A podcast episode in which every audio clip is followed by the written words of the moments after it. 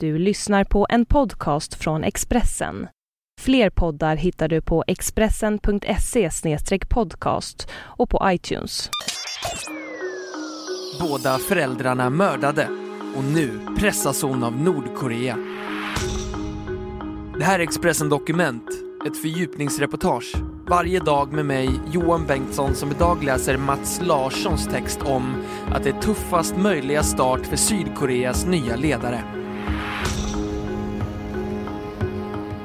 Hon är Sydkoreas första kvinnliga president och har inte ens haft jobbet i två månader.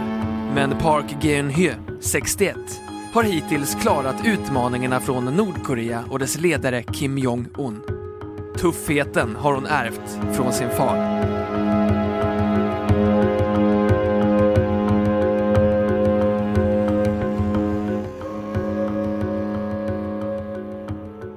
Nordkorea är som bekant en familjedynasti. Staten grundades 1948 av Kim Il-Sung och när han avled 1994 tog sonen Kim Jong-Il över. Sen december 2011 så är det nu sonsonen, den 30-årige Kim Jong-Un, som styr.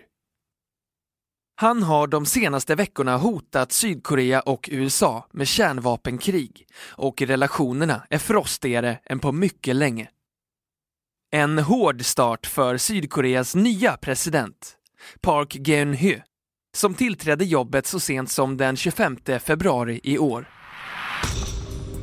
Men Sydkorea har i Park Geun-hye fått sin egen järnlady präglad av en uppväxt där hon fick uppleva det osannolika och förfärliga att mista bägge sina föräldrar för två olika mördares kulor. Det var dock vid båda tillfällena som Parks pappa var måltavlan. Han var inte vem som helst.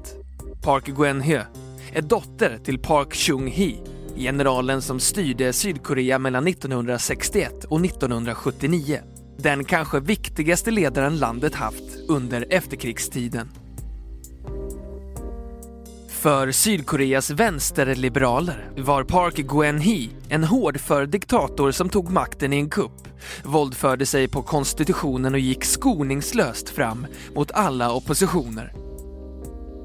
Men han är också i mätning efter mätning den populäraste presidenten landet haft och många i den äldre generationen minns Park Chung-hee som ledaren som la grunden till Sydkoreas ekonomiska mirakel.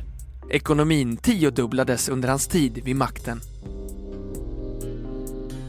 Det kunde även dottern dra nytta av i fjolårets valkampanj. Han räddade oss från hunger och försåg oss med kläder, sa den 74-årige Im Hong-soo till New York Times under ett valmöte. Han var långt ifrån den enda som så att säga egentligen röstade på Park Chung-hee när han la sin röst på dottern. Sydkorea är fortfarande ett mycket patriarkaliskt samhälle där kvinnans ställning är underordnad mannen. Så det var på alla sätt historiskt när Park Geun-hye vann presidentvalet i december. Och hittills har hon inte gjort sydkoreanerna besvikna.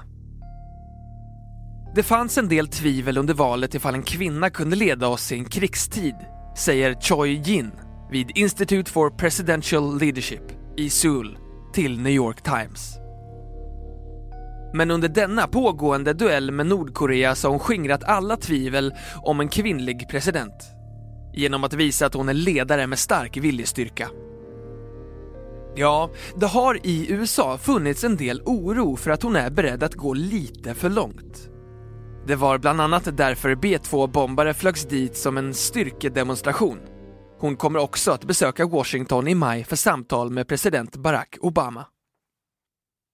Men president Park har gjort klart att om Nordkorea på något sätt angriper, som exempelvis 2010 då en sydkoreansk ö besköts med artilleri, så kommer Sydkorea att svara.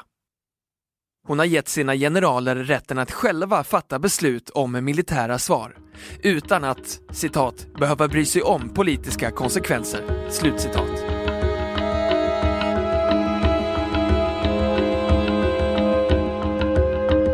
Expressen Dokument, en podcast från Expressen.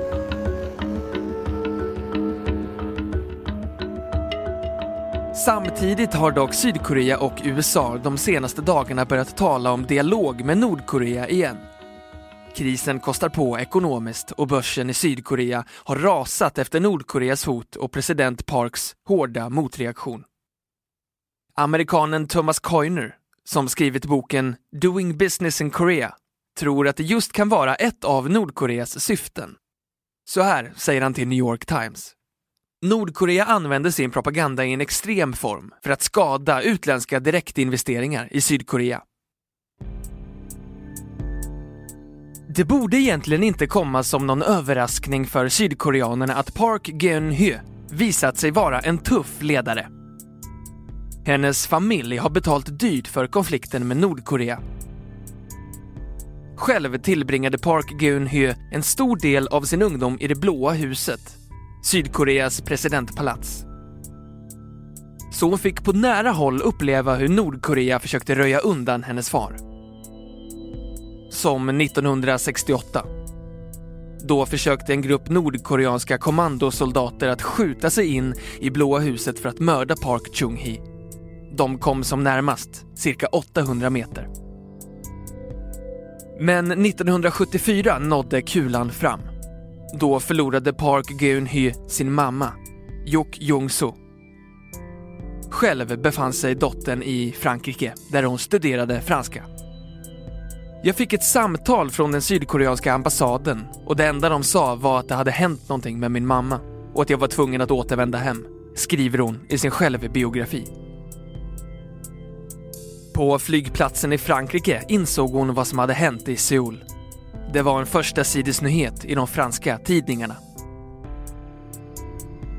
Den 22-årige Moon Se-Kwang, en kommunist som hade bilder på Kim Il-Sung hemma, hade öppnat eld när president Park Chung-hee höll tal på Nationella teatern. Han kastade sig ner under ett bord, men en kula träffade hustrun i huvudet. Hon avled senare på sjukhus. Den stoiske president Park Chung-hee fortsatte sitt tal på teatern medan hustrun fördes iväg i ambulans. Mördaren uppgav senare under rättegången att han hade handlat på order av Nordkorea. Kim Jong-Uns farfar ska alltså ha beordrat mordet på Park Geun-hyes pappa men av misstag mördat hennes mamma. Park Geun-hye fick avsluta sina studier och istället inträda i rollen som rikets första dam vid sin fars sida. Hon fick sina första lektioner i politik där i baksätet på presidentlimousinen. Han lärde mig att älska landet, att tjäna landet, sa hon i en intervju i fjol. Fem år senare, i oktober 1979, förlorade hon även sin far. Han sköts ihjäl av chefen för landets underrättelsetjänst efter en kväll med mycket alkohol. Motivet har aldrig blivit klarlagt, men denna gång var inte Nordkorea inblandat. Park Geun-hye och hennes två små syskon fick flytta ut ur Blåa huset en vecka senare.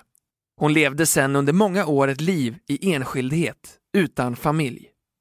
Hon gifte sig aldrig, fick aldrig några barn. Men hon återkom till politiken i slutet av 1990-talet och besökte även Nordkorea 2002. Där träffade hon Kim Jong-Il. Jag reste dit för att jag tror att jag är mer lämpad än de flesta andra att lösa relationerna mellan syd och nord, skrev hon i självbiografin. Hon sa också att Kim Jong-Il bett om ursäkt för attacken mot Blåa huset 1968 och den stoicism, eller känslokyla, som hennes far uppvisade när hustrun mördades har hon även själv gett prov på. Hennes första reaktion när pappan blev skjuten var att fråga om situationen vid gränsen mot Nordkorea var lugn. Och när hon själv utsattes för en attack 2006, när hon blev skuren i ansiktet, så var hennes första fråga efter operationen hur det gick med valkampanjen.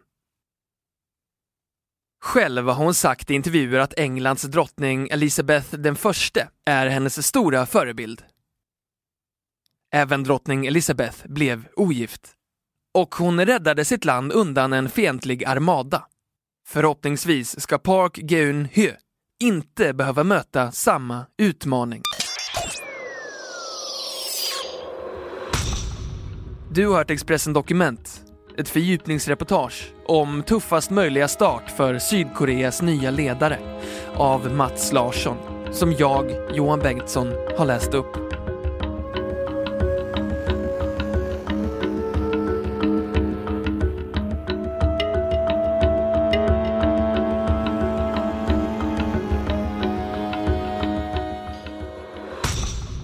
Du har lyssnat på en podcast från Expressen. Ansvarig utgivare är Thomas Mattsson. Fler poddar finns på Expressen.se och på iTunes. Nej. Dåliga vibrationer är att gå utan byxor till jobbet. Bra vibrationer är när du inser att mobilen är i bröstfickan. Alla abonnemang för 20 kronor i månaden i fyra månader. Vimla! Mobiloperatören med bra vibrationer.